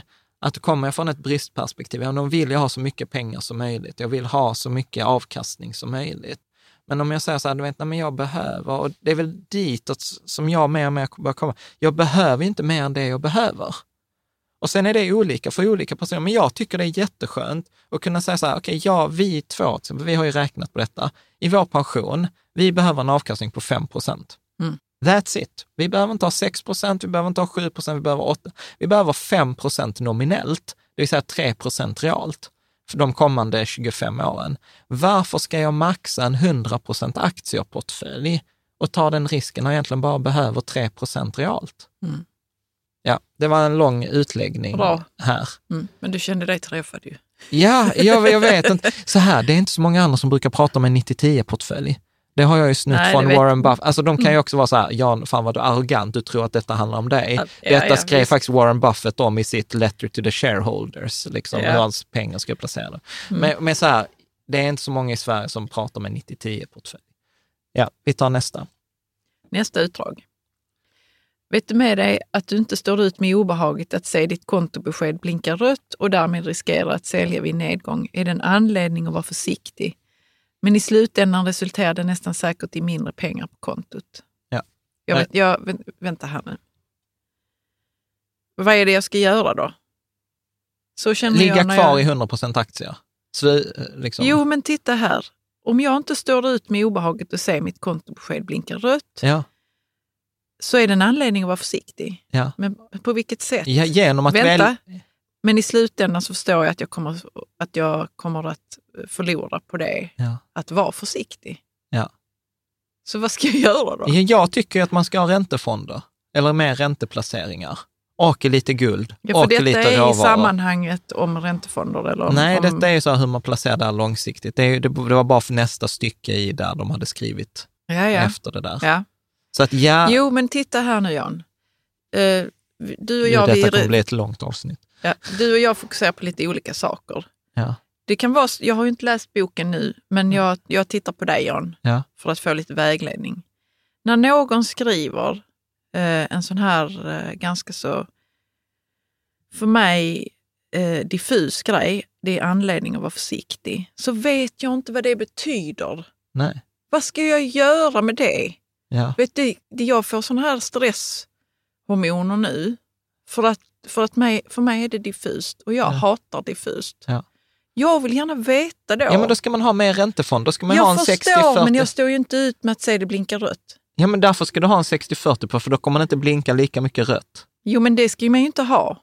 Nej, för det kommer att ge dig mindre pengar i längden. Ja, så vad ska jag göra då? Förstår du? Ja, Att för mig är det så, skit ner dig. Jag tar inte det rådet. Jag blir jättearg av att få diffusa råd. ja okej. För du, jag vet att jag inte står ut med det röda, så jag får vara försiktig. Men jag kommer ändå förlora pengar i slutändan. Så Ja. bara, Ja. Så suck it up. ja, men lite så. ja visst jag kan suck it up, men jag kommer inte göra det på det viset som man föreslår här. Ja. ja, jag vet att- Vadå försiktig? Jag känner för att gå därifrån. Hur ska jag vara försiktig? Genom att ha Ska jag, ränteplaceringar. ska jag försiktigt titta på mina, Nej, mina genom, alltså, kontoutdrag? eller? nej, exempel genom att inte logga in brukar ju vara det bästa rådet. det är det försiktiga i sammanhanget. Nej. Nu går vi det- vidare, jag blir bara förbannad. Nej, men eh, vi kan, vi kan hänga kvar här lite. Men, men eh, Förstår du vad jag menar? ja, jag fattar. Du tänker så här, okej, jag vill ha den stora avkastningen och jag mår dåligt. Ja, så, Ja. Och så, men du var försiktig. Ja, Så vad ska du nu göra när du är försiktig, John? ja du, får ha, du, du får ha dem i aktier då. Jag vet Jo, inte. men vad, vad, är, vad är det Jo, du ska det- göra ja, när det är du är två val, försiktig? Ja, men det är två val, Caroline, som Ja. är, som är så här, oberoende uteslutande. De utesluter varandra. Antingen så tar Mm, det du... gör de. Ja, så hur ska att- jag vara försiktig? ja, jag vet inte. Nej, jag vet fan inte heller. Okej. Går vi vidare? Ja, vi får... Vi får Jo, men man kan inte, förlåt mig, men man kan inte skriva så därför att det är så diffust. ja. Men det, kanske- det men- säger men- mig ingenting. Men så här, Och vad jag ska ta, det kanske finns en mening med en tanke, Caroline, men jag- den framgår inte till mig Nej, i det här utdraget. Nej, och det kan vara så att jag har gjort utdraget kast. Så, Ja, jag, vill så inte, kan det vara. jag vill inte att det ska falla någon skugga Nej, på vi- dem än. de ska inte falla någon skugga på någon här. Ja, Okej. bra, vi går vidare. Ja. Så, eh, och sen går de igenom då forskningen eh, och detta är väl liksom inga nyheter här. Billigt är bra. 99 procent, 99,4 procent av alla fondförvaltare slår inte index. Den studien har de inte med. Det är Barras 2010. Blev lite förvånad faktiskt. Eh, Det låter som, en, som någon på mitt gamla jobb nu. alltså vadå? Lunds universitet. vadå? Det är Barras 2010. Och sen behöver man inte ens säga vilken, vilken eh, tidskrift det var. Det vet alla att det var 20. Ja, men Barras har också gjort något 2008, men det är inte den jag menar. Ja, Ja, Går men- vi vidare här då? Ja. Ja. Eh, och sen Pharma har också gjort en measure, alltså det, du vet, det är sjukt att jag kan de här i huvudet. Så här, measuring the luck and skill, ah, skitsamma. Eh, eh, bra, eh, och sen är väl liksom, vi delar uppfattning att det är ingen konst att eh, slå börsen enskilda år. Problemet är att urskilja om det är tur eller skicklighet. Eh, och sen så gör de faktiskt också, det tyckte jag var kul, att de skriver också det här att det är bara 2 procent av eh, börs, bör, aktierna på den svenska börsen som ägs av småsparare. Så det hade, om man tror att man höll på med andra småsparare, att det är de jag handlade med, då kanske det är så att om jag läser på mer än vad du gör, så kanske jag har en chans. Men eftersom jag 98 procent ägs ju av proffs, så är det ju liksom väldigt, väldigt eh, svårt. Ja. Och sen skriver de också så att eh, när de träffar många människor så kan man liksom sammanfatta folk i finansbranschen, hur de liksom förhåller sig till forskningen. Och detta tyckte jag var ett bra citat. Ja. Och detta är inte ett citat om någon har sagt, utan det är från boken som de har aggregerat. Och jag tyckte de fångade det bra, för jag, jag känner så igen detta själv. Så du kan ju läsa här. Okej, jag läser det här utdraget. Jo, jag vet att forskningen säger att det är bäst med billiga fonder. I stort sett håller jag med. Men just den här fonden har gått riktigt bra. Jag känner förvaltaren och jag vet att hen är riktigt skarp. Ja, det känner vi väl igen. Ja, ja, eller hur? Att någon säger så. Ja. Jag känner förvaltaren. ja, jag känner förvaltaren eller att så här, men jag har en bra känsla eller den har Ja. gått bra det har aldrig historiskt. varit så här. Bla, bla, bla, bla, Ja, ja. Eller? Ja, ja, ja, Ja. precis. precis. Så att, eh, och, eller när, jag var i debatt med Aktiespararna, en författare till en annan bok där, som vi, där vi inte delar uppfattning överhuvudtaget, var så här, ja men jag vill ge mig själv chansen att överprestera mot index. Liksom. Ja. Ja. Eh, Det är ett fina ord. Ja, men Mm. om man liksom tittar på fakta, så här tar de ju fram några studier som jag faktiskt inte hade sett, men, eh, Men just det här eh, citatet, det är, de menar på att det här kan man höra då och då. ja, varianter på Varianter det här, på det. från folk i finansbranschen. Ab- ja, absolut. Ja. Liksom så, så att det blir så här, forskningen, har du hört talas om detta med indexfond? Ja, ja, jo, jag fattar, men, Mm. ja, jag fattar, men. Mm. Och, liksom, du vet, och här är faktiskt, här, alltså, fan Caroline, du vet, vi behöver prata om det här. Jag har ju, en, jag har ju ett inspelat rådgivningsmöte, du vet, där, där en storbank ringde till mig och ville ge mig finansiell rådgivning. Och jag var så här, Ja. jag kunde inte låta bli och tacka ja. Och sen var jag så här, undrar om de har googlat eller så, men det hade de ju inte gjort. De hade inte googlat. Nej. Där är ju ditt namn. Nej, nej. För och sen, och en lägga och sen är jag så här, och sen tänker jag så här, jag spelar lite dum i det här rådgivningsmötet. Och ja, du vet, det är, det är katastrof. Ja. Du vet. Så här, ja, men jag, jag vet att en indexfond är bra, men titta på vår fond. Den har ju gått jättemycket bättre i denna tidsperioden. Vi får, vi får, vi får kolla om vi ska lägga ut den på, på, på bloggen. Ja, det- eller, jag vill inte hänga ut. Jag vill inte, absolut inte hänga ut någon. Men, men Eh, men man kanske kan ta, man, kan, man behöver ju inte ta den inspelade originalfilmen. Man kan ju aggregera den. aggregera den lite. Ja, Ja. ja. Vi kan, vi Men, kan men prata om poäng, det sen. min poäng var också där att det är ju inte, det är inte och det, För det, till det, vilket syfte egentligen ska vi göra det? Jo, jo, jo. Nej, men en av mina behållningar från det rådgivning som var katastrof, alltså det var så många saker som var exempel så här, förväntad avkastning kom i framtiden. Nu kommande åren kunde jag tänka mig så här, eh, de kommande fem åren kunde jag räkna med 15 procents avkastning. De säger här i, småsparare, I i, bo- boken, boken. 6 procent. Eh, 8 procent nominellt. Alltså jag, säger, jag, jag brukar säga 7 procent nominellt, 5 procent realt. Efter, realt är alltså efter inflation. Mm. Så till exempel den här storbanken, rådgivaren på den här storbanken sa att jag, de kommande fem åren skulle få 15 procents avkastning, som är dubbelt så. Per år då ju. Ja, Mm. i genomsnitt de kommande åren. Och då tyckte han ändå att det var försiktigt. Mm. Eh, Ja, det har vi väl aldrig varit med men om. det är helt sjukt. Och, och, sen, och sen så kunde man ju ha mycket i aktier och, eh, och, sen, och, och mycket ny, teknik såklart. 40 procent av portföljen skulle in i en ny teknikfond. Och det som var min poäng, varför jag tar upp detta nu, är ju att många av de här finansiella råden, ja men, är ju så att de tror ju på det själva. De har ju placerat sina Jo, men det pengar skulle på det varit sättet sorgligt om själva. de inte hade gjort det. Ja, då hade det ju Då varit hade det kriminellt. Ja, det hade varit hemskt. Liksom. Det är klart Men de måste tro på det själva, men, då, men frågar du henne eller ho- Honom. honom eh, vad han eller hon hade sina egna Ja, pengar? i samma så som de råd, rådgav mig. Ja, ja, Ja. ja men det är för att de tror på det då. Ja. ja. Uh, ja, men sjukt. Men i alla fall, då var det så här, mellan 2014 och 2018 eh, lyckades 20 procent av europeiska fondförvaltare slå det europeiska indexet. Mm. 80 procent misslyckades.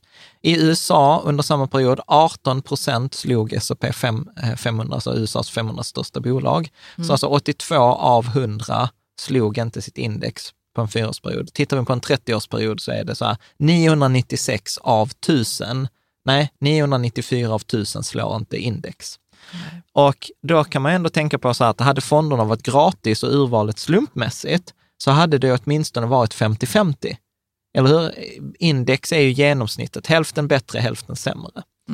Eh, och sen själva också som de skriver, Morningstar själva, som är, Morningstar är ett sånt här bolag som utvärderar fonder, säger att den största korrelationen mellan en fonds framtida utveckling och ett nyckeltal idag är inte antalet stjärnor, inte betyg, inga analyser, utan hur dyr eller billig eh, fonden är. Ju billigare fond, desto större sannolikhet för att fonden kommer gå bra i framtiden. Mm. Liksom. Eh, Så att det är både de och jag konstaterar när man läser forskningen är så att det bästa man kan göra är att investera i en indexfond som ger dig marknadens genomsnittliga avkastning. Så helt enkelt. Jag, jag försöker inte förutsäga vilka aktier som kommer gå bra imorgon eller kommer gå dåligt, utan jag köper allihop, väl medveten om att några kommer gå bra, några kommer gå dåligt. Och här är väl min egen kommentar, de har inte skrivit det i boken, men jag tror att de skulle skriva under på att ju fortare man inser att man är genomsnittlig och att det är okej, desto mer pengar kommer man tjäna över tid. Ja. Liksom. Eh, och sen hade de faktiskt ett citat från Fondbolagens förening. Alltså Fondbolagens förening, det är ju en sån här intresseorganisation för svenska fonder, där de flesta svenska fondbolag är med. Du kan ju läsa detta. Argumenten för indexförvaltning bygger till stor del på forskning som visar att aktiva förvaltare i genomsnitt och på lång sikt inte kan prestera bättre än marknaden, det vill säga index. Exempel är Sharp 1966, Jensen 1967 och Malkiel 1995. Redan här har vi Lindy-effekten också. Det är alltså studier som är nästan 50 år gamla, som håller fortfarande. Har de hållit i 50 år så har de överlevt som gladiatorer på den här vetenskapens eh, kolosseum Ja. och kommer förmodligen hålla i 50 år till. Liksom. Ja. Han fick ju Nobelpris för det, Farmer också, ju, Ja. 2013. Ja, ska du fortsätta? Wärmers 2000, som undersökte fonder under perioden 1975 till 1994, kommer visserligen fram till att aktiva fonder i genomsnitt kunde välja ut aktier som slog marknaden. Dock gav fonderna ändå i genomsnitt inte bättre avkastning än index, vilket förklaras av fondernas avgifter samt det faktum att likviditet måste hållas i fonden för att möta spararnas insättningar och uttag. Mm. Pettersson 2014. Och då ska det ändå sägas, alla är överens om att det var mycket enklare att förvalta fonder på 90-talet, för att konkurrensen var inte så hård som den är nu på 2020-talet. Men var det inte lättare då att ta höga avgifter? Eller är det bara att man förpackar det snyggare nu och ändå kan ta höga Nej, avgifter? man tar fortfarande höga avgifter. Alltså Ja. det finns fortfarande, kommer du ihåg HSB, när vi gick igenom de fonderna, så det var Ja. över 2 procent. jag, vet, Nej, men jag vet inte vad fonderna var på 90-talet. Nej, jag, vet, jag, jag ska vara helt ärlig, jag vet inte heller på Nej. någon genomsnitt. Så jag tror att genomsnittsavgiften i dagsläget ligger mellan 1,4, men jag tror att då är inräknade räntefonderna som är billigare. Och jag tror att genomsnitt, något pris på aktiefonder kan ligga mot uppemot 2 procent, mellan 1,4 och 2 procent skulle jag gissa. Nej, men jag tycker detta är intressant och det är liksom så här lite spännande, fondbolagens förening säger detta också. Alltså så att, eh, så, så här, där är ingen tvekan om vad forskningen säger. Eh, och, och jag tycker också så himla skönt att nu är det inte bara liksom att vi är fler, det är åtminstone vi Småsparguiden och vi som tjatar om det här. och sen mot typ hela finans, liksom Twitter där. Finanstweet. Ja, jag har inte ens varit på Twitter på flera Nej, år. Jätteskönt. Vi är inte där. Ja. Mitt guldkorn Mm. från boken, det, detta kommer jag ta med mig. Detta tyckte jag att de gjorde riktigt eh, bra. Och detta beskriver de en, stor, eh, en historia, att någon av dem, det var Andreas och Patrik, jobbade i finansbranschen och jobbade på en hedgefond och så hade de en chef som alltid ställde de här tre frågorna. Och då sa han att om man tittade på en fond eller på en investeringsstrategi så skulle den här investeringsstrategin uppfylla två frågor. Den skulle, eh, liksom så, eh, bekrä- eh, den första frågan är så här, bekräftar historisk data hypotesen? Så finns det bevis historiskt för att detta är sant? Fråga nummer två, finns det en bra teoretisk förklaring till det här? Och sen har Andreas, Patrik och, och Eva, Nej, Elisabeth. Elisabeth Mm. lagt till en tredje fråga. Är det rimligt att den teoretiska förklaringen kommer gälla även i framtiden? Mm. Eh, och jag själv skulle gärna lägga till en fråga innan detta, som är så här, vad är hypotesen?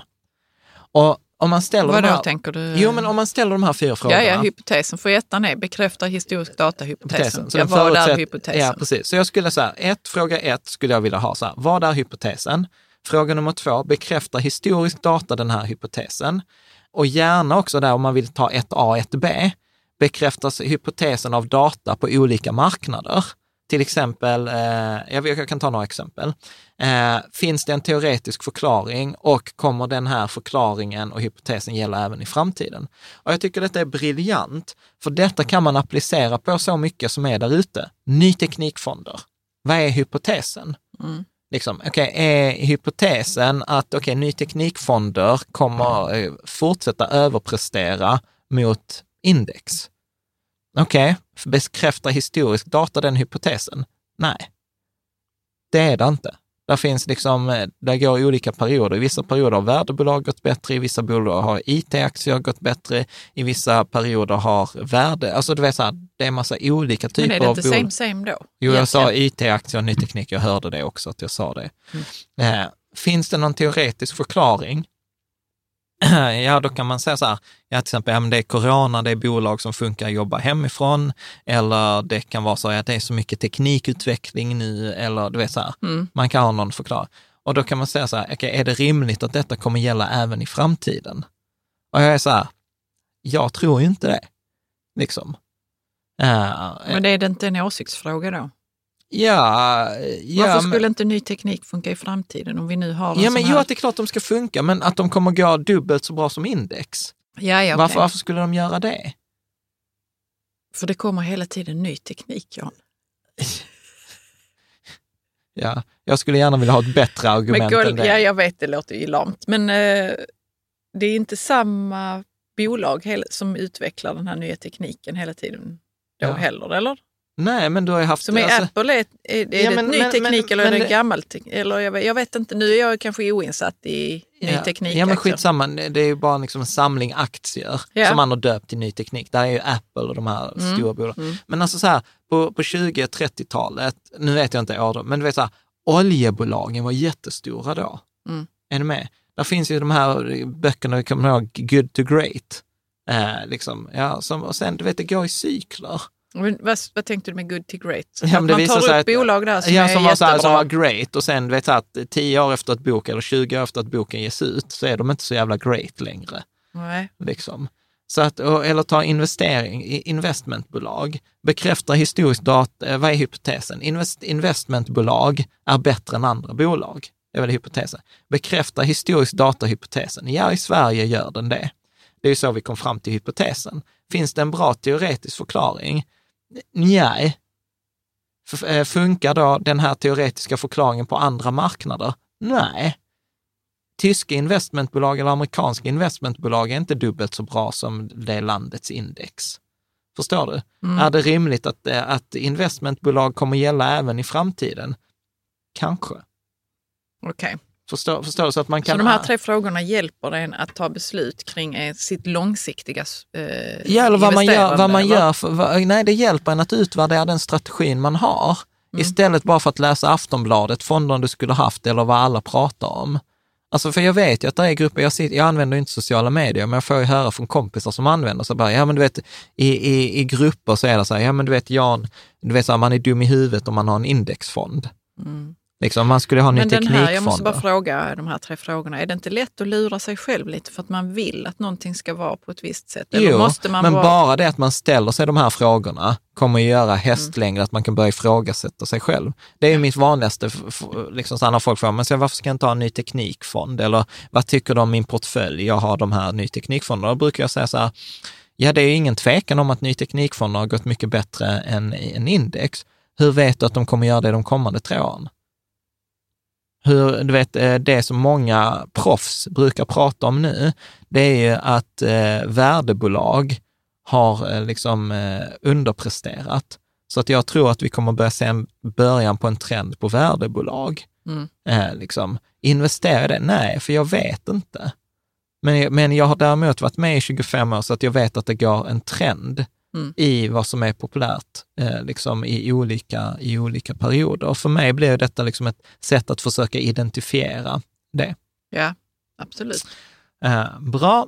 Sen så, någonting som jag tyckte var intressant eh, var att de argumenterar för att man ska ha en indexfond, men inte så stenhårt på att den ska vara global.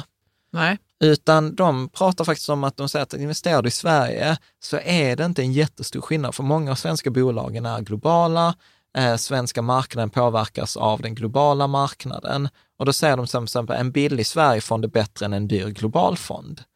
Och jag har inte tänkt på det på det sättet, men det är svårt att argumentera mot. Men jag hade ju hellre precis, liksom, ändå till syvende och sist valt en billig globalfond framför en, en, en Sverigefond. Men måste man då undersöka vilka Sverige eh, sån här eh, fonder då som... Eh, Ja, de gillar, Som är där det ingår och globala här, och här, företag och här, eller- nu, nu är vi så här, eh, okej, vi är överens om att vi ska åka till Venezuela, men nu är vi oöverens vilka städer i Venezuela vi ska åka till. Alltså så det är på den nivån. ja, ja visst. Eh, visst. alltså de gillar ju, i boken så rekommenderar de Nordnet Superfonden Sverige och Avanza Zero.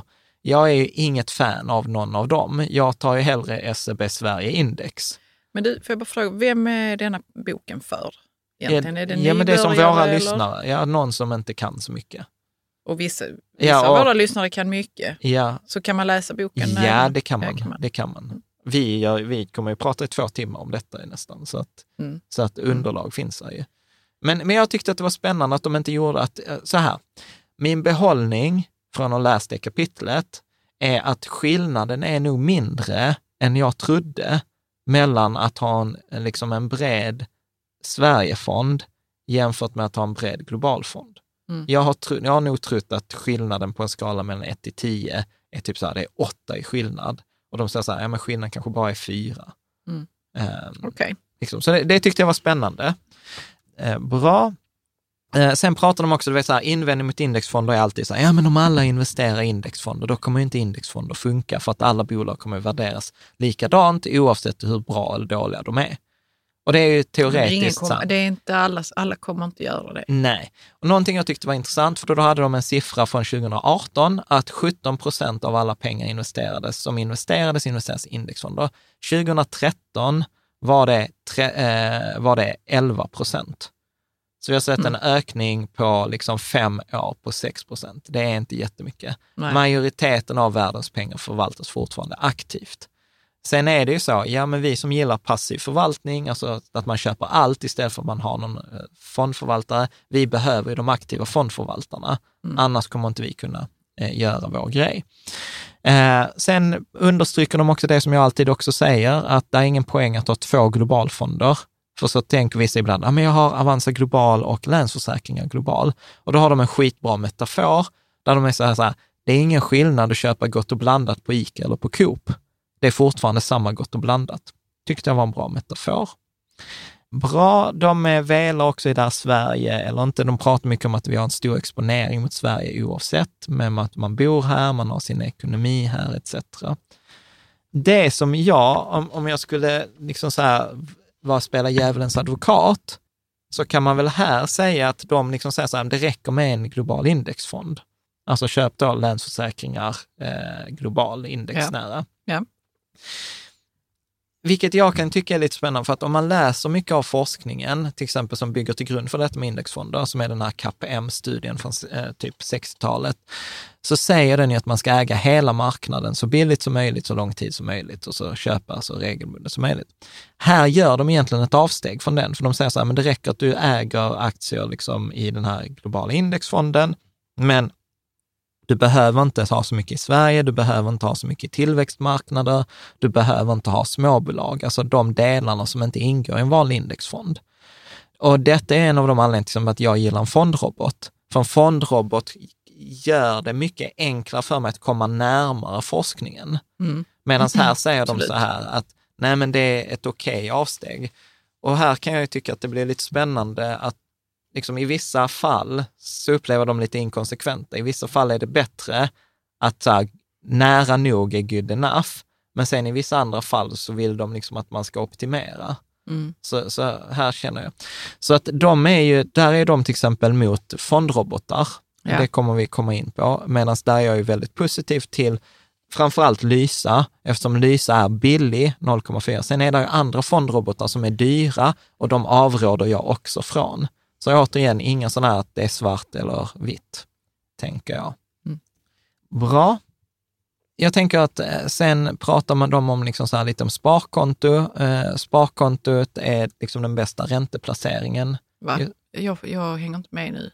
Nej, vi har lämnat aktier nu ett tag. Ja, för eh, det här med räntan, jag, jag känner att jag har liksom, eh, för jag tänkte så att de gillar inte räntefonder. Nej. Så då eh, pratar vi inte mer om det. Liksom. Ja, men de, det var det jag sa där i början, att de buntar ihop ränteplacering, buntar de ihop sparkonto med insättningsgaranti 0 ränta, sparkonto är en nischbank med lite ah, högre okay. ränta, okay. Eh, obligationer, mm. korträntefond, långräntefond, mm. Eh, peer-to-peer. Mm. De buntar det som en ränteplacering. Okej. Okay. Liksom. Så då säger de att den bästa ränteplaceringen är eh, sparkonto. Jag håller med 2020, jag vet inte om jag skulle säga det 2022, 2023. Nej. Så att eh, där. Eh, sen kan jag ju också tycka så här att om man gör en liten utvikning som jag tror vi kommer att återkomma i framtida avsnitt, så är det ju så också att de flesta av oss har ju bolån. Om man ska resonera rent optimalt rationellt, inte känslomässigt, så är det ju dumt att ha någon ränteplacering, oavsett om det är sparkonto eller räntefond, om man samtidigt har ett lån. Så då borde man, till exempel om man har 100 000 kronor att investera, om man vill sätta de här till exempel i en eh, 50-50 portfölj på fem års sikt, så hade det varit bättre att ta 50 000 kronor, amortera på lånet och sen ta 50 procent, 50 000 kronor i 100 procent aktier. Mm. Men det skulle resultera i att när du loggar in på din portfölj så har du 100 procents aktieexponering, som det är få av oss som tittar på vår ekonomi utifrån ett helhet och tänker så här, ja fast jag har ju faktiskt amorterat 50 000 på mitt lån. Ja, ja, visst. Och, och då är vi tillbaka på det där rationellt korrekt svar, eller, eh, eller, eh, eller rationellt och matematiskt korrekt svar eller känslomässigt. Mm. Så att där är ju vissa som har rätt i, detta skriver inte de om i boken, men jag vet att vi har diskuterat det på Patreon i vår community, att det är egentligen dumt att ha räntefond och ett lån samtidigt. Ja. På det sättet. Mm. Uh, men så att, ja, Bra. Sen, så som jag var inne på, de avråder från räntefonder, avråder från en global spridning. Jag tycker att man borde ha en global spridning på sina ränteplaceringar. Det tycker Lysa också. Så att återigen, detta är en tolkning av den forskning som finns. Eh, jag, jag tycker ju precis som att, som att vi säger med aktier, jag ska äga alla aktier och inte försöka förutsäga framtiden om vilka aktier som kommer gå bra eller dåligt, så upplever jag att då ska jag inte göra det med räntefonder heller. Nej. Då ska jag ju äga alla räntetyper och inte försöka förutsäga vilka som kommer gå bra eller dåligt i framtiden. Hur Smaksak. kan man göra det då? Ja, ja gör, vi gör ju det via Lysa. Mm. Vi har ju låt, delegerat det jobbet till Lysa, att de får plocka fram hela det som man kallar universumet av räntefonder. Ja. Make sense? Make sense. Uh, jag vet du hatar anglicismer, jag ska inte säga så. jag gör det ju själv. Ja. Men eh, ja, jag hatar anglicismer. Ja, Eh, sen har de en utvikning på investera hållbart eller inte. Mm. där de faktiskt har gjort en genomlysning av den forskning som finns och den forskning som finns är väl oklar. Eh, och de pratar mycket om att det finns ju olika sätt att man kan välja till eller välja bort. For, alltså man kan ha fonder. Men vet du, om man nu vill investera hållbart, Ja. eh, och, och det är ju en ganska så bred definition. Ja, och det är problematik. Etiskt eller hållbart är detsamma. Ja, det är samma. Ja, Ja. precis. Det är och- det ju kanske inte. Nej. Nej. Och, och där pratar de flesta fonder antingen väljer till eller väljer bort bolag. Mm. Eh, alltså, ja, vi investerar inte i. Nej. Eller- Eller, vi, vi har eh, grön... Eh, ja, va, Ja. va, hjälp mig. Ja, eller vi försöker påverka ja, vi bolagen. har olja, men vi har också vindkraftverk. Ja, eller vi försöker påverka bolagen etc. Och då, den forskning som är så här, påverkan, så här, högst skeptisk om det Ja, gör någon skillnad. högst skeptisk. Eh. Hur, någon gång måste vi undersöka det, John. Ja, men de har lite studier som de är men hur man till. påverkar eh, Ja. andra Men, bolag. men å andra sidan så här, AP7 har jag också, precis som de, hört från flera att de gör ett jättebra påverkansarbete. Så återigen inte... Det tror jag på, visst. Men det kan ju också vara så att man använder det ordet Ja, för något litet samtal man gör en gång om året. God jul! Ja. Och sen så har man gjort ett påverkansarbete. Ja, Så kan man men- skriva men- det. ja, alltså jag är så skeptisk till sådana här... eh, Man måste vara tydlig. ja. Och så gör till exempel inte Sjunde AP-fonden. Mm. Nej, jag vet att de inte gör så. Ja, så att eh, där. Eh, någonting som de hade hänvisat till studien som visade att det var bättre att välja till bolag än välja bort bolag. För väljer man bort ett bolag, ja det spelar ingen roll. Alltså att aktien inte handlas eller att jag inte köper aktier påverkar inte bolagets verksamhet. Men genom att välja till bolag så kan man liksom ge kapital, till exempel vara med och stödja i nyemissioner eller som eh, nya bolag som hade behövt kapitalet som därmed kan utvecklas. Så makes sense. Så att det är bättre att välja till. Men de landar väl egentligen i samma resultat som jag, eh, som vi också pratat om här tidigare, eh, att om man verkligen är intresserad av det här med, med eh, positive impact investing, att eh, liksom eh, göra skillnad liksom på att göra gott, så är det många gånger som, kommer du ihåg han som vi hade från effektiv altruism? Ja. Att det är nästan bättre att liksom försöka ha sina fonder någorlunda schysst, men att i, eh, med, med låga avgifter och det som man annars hade betalat i högre avgift, ge bort de pengarna till en organisation som du tycker gör ett bra jobb. Ja. Så att du vet att man gör liksom både och, men man särskiljer på dem. Eh, för att, Absolut. eh, så det verkar enligt forskningen ge mest effekt, det är det jag också upplever. Mm. Så att, eh, ja, och sen finns det ju det som handlar där mittemellan, typ switcher och massa andra sådana här som vi har haft som försöker göra, ja men du investerar i solpaneler, det bidrar till liksom att vi får mer solenergi och du får en viss avkastning. Precis. Men de investeringarna kommer med en helt annan risk, för går switcher i konkurs eller det projektet så förlorar alla pengar. Mm. Så att det är inte heller, liksom, där finns inga fria lun- luncher i det, eh, gratisluncher. Bra, Nu har du skrivit del två i boken här. ja. Ja. men det kommer gå mycket snabbare nu. nu är så inte, okej. Ja, det är inte så mycket. Eh, så mycket. Bra. Vad, vad handlar del två om? Eh, jag tror att där blir det sen, de andra delarna handlar om pension och bostäder och lite försäkringar. Så För det vi har gått igenom i ettan, är så här det är hur man, in- den finansiella grundkunskapen. grundkunskapen, och nu kommer då... eh, Ja, egentligen sådana här ganska logiska grejer, så att detta kommer gå. Så de till exempel rekommenderar så här, prioritera, nu är vi på bolån bolån. Ja. och fastighet. Så om du har ett bolån, prioritera amortera ner till 75 procents belåningsgrad och rekommendera inte att amortera bortom 50 procent. Jag brukar säga samma regel, följ amorteringskravet, överamortera inte. Nej. Det är vad jag brukar säga. Ja. Sen säger de så här ganska logiskt, amortera dyra smålån först. De, Vad kan det vara för dyra? Kreditkortslån, Ja, konsumentlån, eh, avbetalningar på Klarna, delbetalningar, Mm. you name it. Mm. De landar i tre månader i buffert. Eh, där har vi ett helt avsnitt om buffert, eh, men där pratar vi mer om hinkar. Mm. Tycker jag att det är lite bättre resonemang. Eh, sen säger de så här, spara till barn och pension i 100% aktiefonder om det är lång tidsperiod. Det är väl inte så mycket att säga till dem. Eh, och sen älskar jag, för jag har varit så jäkla ensam om detta resonemanget. De skriver så här, ja du kan ju läsa det. Att låna på huset för att investera i aktiefonder kan låta helgalet, men för långsiktigt kan det vara helt rätt. Ja. Och detta är också återigen sånt som forskning säger, är man ung, lång tidshorisont, eh, man inte behöver stå och falla med pengarna, så bör man ha en högre risk. Mm. Men det förutsätter att man inte freakar ut. Så till exempel så här, du och jag har ju precis gjort det. Vi har lånat pengar för att investera, men vi har varit med om börskrascher. Vi vet att vi kommer att kunna hantera den räntebetalningen, den amorteringen och vi kan till och med hantera om det skulle skita sig Mm. med den investeringen. Men att låna, alltså så här, kan man låna för att köpa en bil som garanterat faller i värde, varför i helvete, förlåt att jag svär, skulle man inte kunna låna för att investera någonting som kommer med stor sannolikhet ge mig pengar över tid? Ja. Eh, Och det roliga är, Men tips det beror väl också, på vad man sätter dem i. ja, tips här till Patrik och Andreas. Eh, där finns en promemoria från, och det, till alla er andra också såklart, Men är det inte till Elisabeth med? och Elisabeth, förlåt. Ja, Eh, herregud Jan. Ja, men- Jag behöver hålla den, den kvinnliga flaggan Nej, här. men det vet du, ja, förlåt.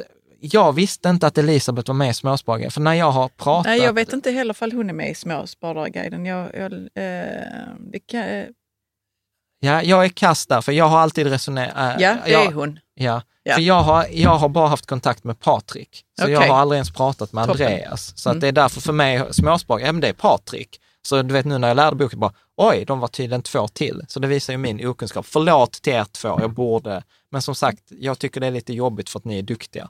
Så jag är inte inne på er hemsida. Eh, bra, vad var jag? Jo, tips. Riksbanken, om man går in på Riksbankens hemsida så har de promemorior och analyser som de har gjort. Och 2014, 27 januari, så skrev de en promemoria där de skriver bokstavligt talat så här.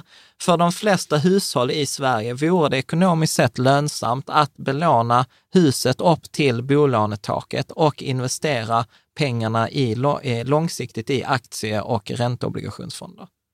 Mm. Riksbanken skriver alltså detta. Jag kan länka eh, till det på bloggen.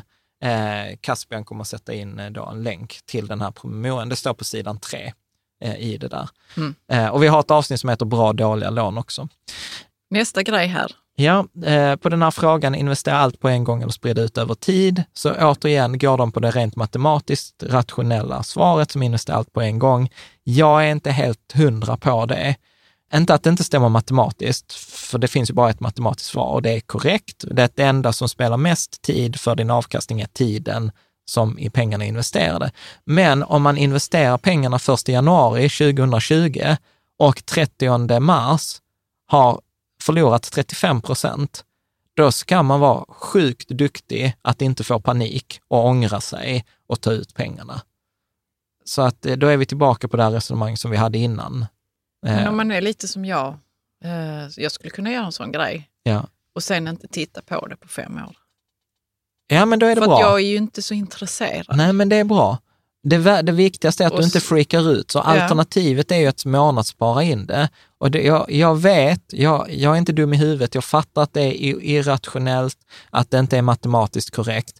Men jag tror ändå att det är en känslomässig aspekt som man inte får glömma.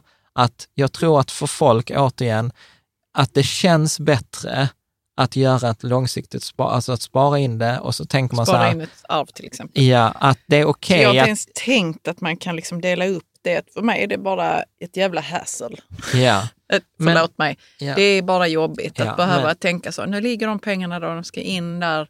Även om jag hade haft autogiro på det så hade jag tyckt... Vi har, vi har avsnitt 92 där vi pratar en och en halv timme om just den här frågan. Mm. Men så att återigen så är min feedback så här, de har matematiskt korrekt, men där finns andra perspektiv man kan ta. Men jag upplever att de tar inte alls det här beteendemässiga perspektivet i den graden som jag gör det. Mm. Kommer fram ungefär samma grej som vi när det gäller eh, barnsparande. De hat, inte hatar, men de kritiserar ju HSB Bospar. De är så här avråder och har liksom långa stycken. Eh, jag kanske har samlat mod till mig nu att kunna avsluta vårt HSB Bospar. Tack. Eh, För bra. någon annan sa det, det var inte bara jag som sa det, nu sa någon annan också det. Bra. Jag vet inte riktigt vad du försökte insinuera där. Eh, bara, Saker att inte spara i enligt författarna här. ja, inte spara i blandfonder, Fond i fond. inte fond i fond. Eh, Robotförvaltning gillar de inte heller. Nej, och jag håller med om att i 90 procent av alla fondrobotar är dåliga, för det är blandfonder eller fond i fondfonder. Undantaget i min värld är Lysa, undantaget på plats nummer två är Opti. Ja. Opti gillar det lite för dyrt, eh, Mm. men jag vet att de kör kampanjer och sånt. Mm. De Fastigheter du får via börsen. får du via börsen. Så att de tycker inte man ska investera i fastigheter, utan det kan du få via fastighetsbolag som är mycket mer professionella Ja. och liksom bättre. Jag vet ju Filip kommer ju inte hålla med, vår Nej. kompis som investerar i fastigheter här. Mm. Råvaror tycker de är en ren spekulation. De tycker som guld är en ren spekulation. Eh, och så säger de så här, ja men du vet, tänk om man, där finns små mängder guld i vatt, havet, om man lyckas utvinna ett sätt eh, att billigt utvinna det guldet så kommer guldet rasa i värde. Ja, det är ju svårt att argumentera mot. Finns det, den teknologin på, på ingång eller? Jag vet inte. Jag vet inte. Men alltså återigen, jag, jag, jag, det är ju detta så här, fördel och nackdel med att vara kategorisk. Jag är ju inte kategorisk eh, på det sättet. Jag är så här, folk säger att guld är en barbarisk relik och, och som inte har något, det är en sten du betalar för att ha i en låda. Och, och sen har vi Erik Strand och andra som säger att guld är det enda du kommer ha, för annars kommer det gå åt helvete. Och, Nej, han säger inte det. nej, men jag Men åt det hållet finns det. Ja, det finns och- sådana. Och då är jag så här, okej, vad finns det belägg för i liksom studier? Ja, men mellan 5 och 10 procent guld. Bra, då tar jag mellan 5 och 10 procent guld. Mm. Ehm, ja, Optioner och derivat skriver de att man inte heller inte behöver syssla med. hålla med om. Valutor ska man inte heller hålla på med. Strukturerade produkter håller jag också med om. Eh, Vad, och, vad kan det vara? För jag vet inte om jag skulle känt igen det om jag hade sett det. Liksom, då hade jag fått titta noga på vad ja, är men det är ofta sådana här, eh, du kan tjäna, där är ingen begränsad uppsida, nedsidan är begränsad till 20 procent i 95 procent av fallen. Men vad skulle de kallat det? För jag vet att det var... Spax, Mm. strukturerad produkt. Eh, alltså, det, som tur är finns det inte så mycket som nu. Alltså för att 15 år sedan var det jättestort. Ja. Liksom. Och sen kom 2008. Ja, nej, men det handlar inte om 2008. Men det var väl strukturerade produkter där? Nej, nej inte på Kallar den. man inte det alls strukturerade produkter, de Nej. här eh, bostadslånen? Ja, det var som sen- subprime. Jo, men det var inte, detta var mer strukturerade produkter mot privatperson. Ja. Det var ju strukturerade produkter mellan institutioner. Mm. Så det är inte lite samma. Eh, bra, och sen avråder de för att direkt äga aktier, utan de säger så här, man kan köpa det som hobby, men precis som vilken hobby som helst så kommer det kosta dig pengar att investera i aktier, direkt investera i aktier. Du ser frågan Eh, ut. Hur jag eh, direkt investerar i aktier, det är inte när jag går in på Avanza och köper Jo. aktier. Alltså att jag köper inte fonder, jag köper de enskilda aktierna. Mhm. Jag skulle kunna lägga till så här Alltså, vi har ju det. ja, det är de här företagslotterna. alltså. Ja. Vi? Du? Ja, och vårt, vårt barn, Ja, men det är för ett pedagogiskt syfte. absolut. Men det är... eh, Ja. Och vad har hon? En aktie i 25 i olika företag. En Ja. aktie var. Ja, precis. Ja. Sen har ni överpresterat såklart för att universum har liksom eh, sjuk, Bestämt sig för att du ska ha fel. humor. Eh, så att liksom så här, hade vi, hade vi låtit Freja förvalta våra pengar så hade vi haft dubbelt så mycket pengar detta året.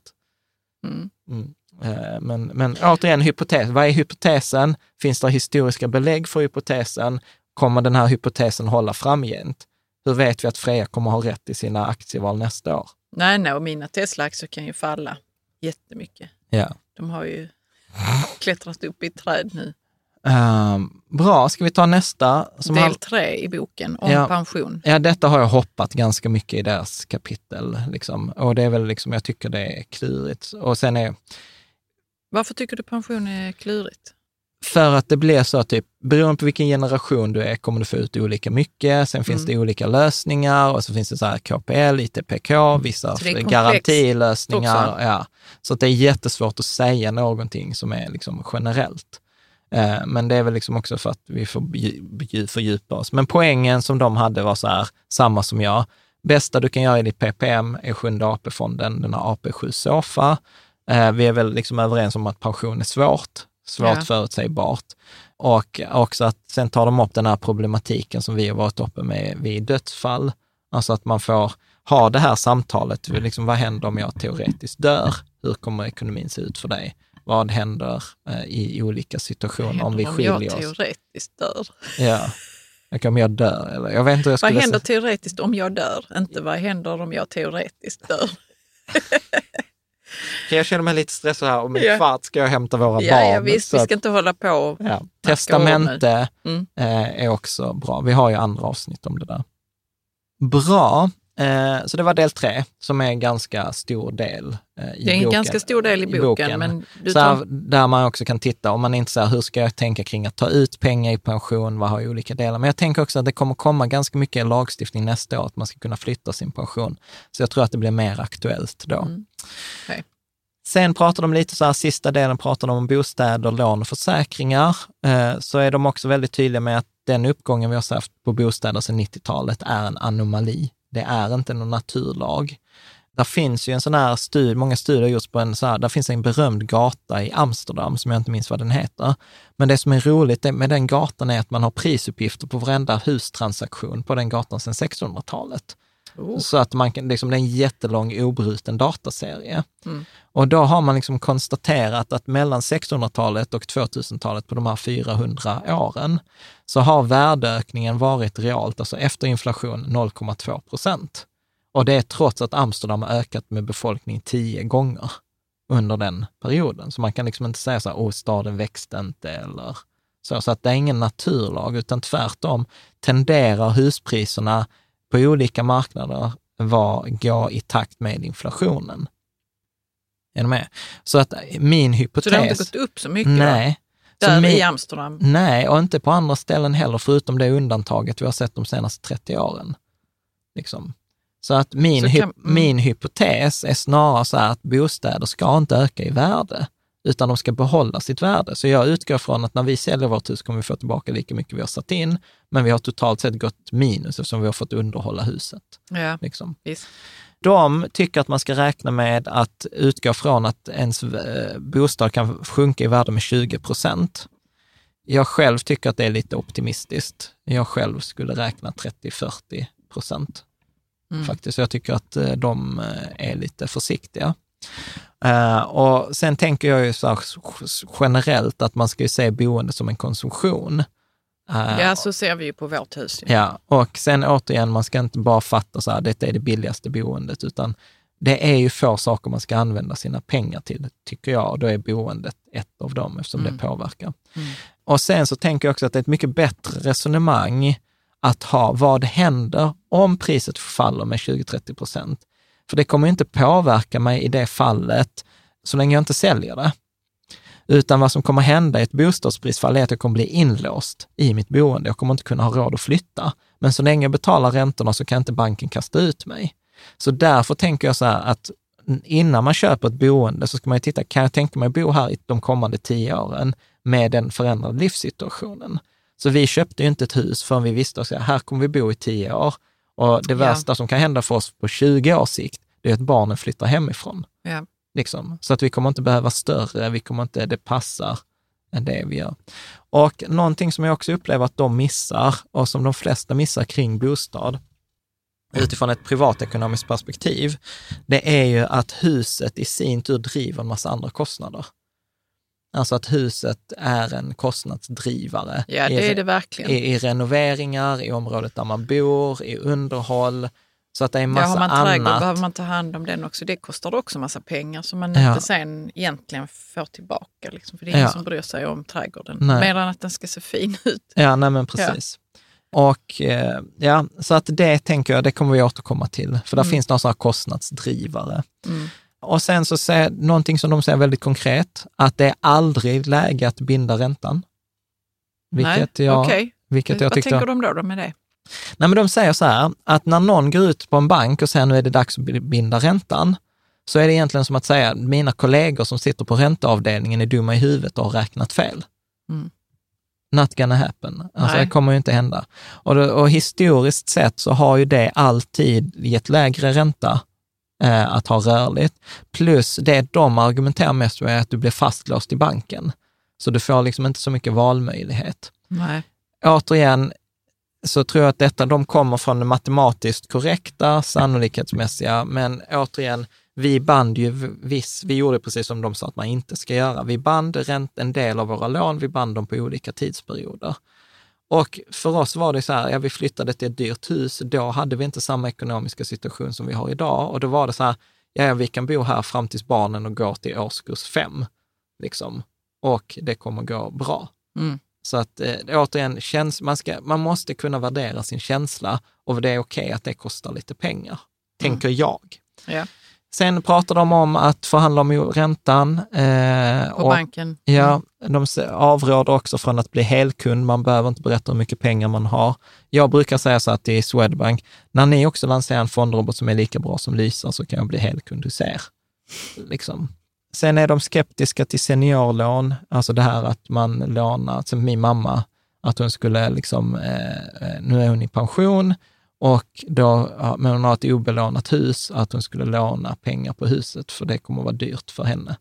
Utan Seniorlån, hur, vad är det för ränta på dem? Ja, men de har ofta hög, hög ränta, så då säger de att det är bättre att barnen tar lånet, eh, för då sparar man den räntan. Och sen är de inne på det här också med att investera studielånet är inte en dum idé. Nej. Ja, bra. Jag visste inte att det fanns seniorlån. Ja, nej, det är inte så aktuellt att för dig Att de kallas det liksom. Ja. Och att det är högre räntor förstår jag, för att mm. de tycker att det är risk med det. Men, eh, ja.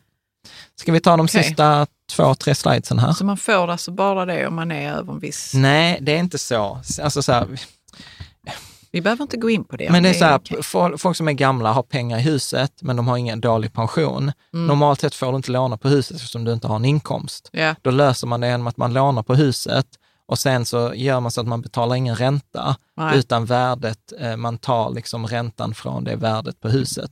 Okay. Så att arvet blir mindre yeah. till de som ärver. Mm. Hänger du med? Jag förstår. Mm. Bra. Eh, försäkringar, intressant fakta som jag inte visste eh, var att du får bara tillbaka 20, 20 till 30 procent av det du betalar in på en försäkring. Det vill säga 70 procent av en försäkringskostnad är bortkastade pengar. Mm. Så att då, då, är det kvantifierat. Och då sa de att ett bättre, mer återigen rationellt, matematiskt korrekt svar är att om du har en god ekonomi så är det bättre att ha ett eget försäkringskonto där man själv gör avsättningar och tar från när det skiter sig. Än är det som en buffert då? Ja, till exempel, ish.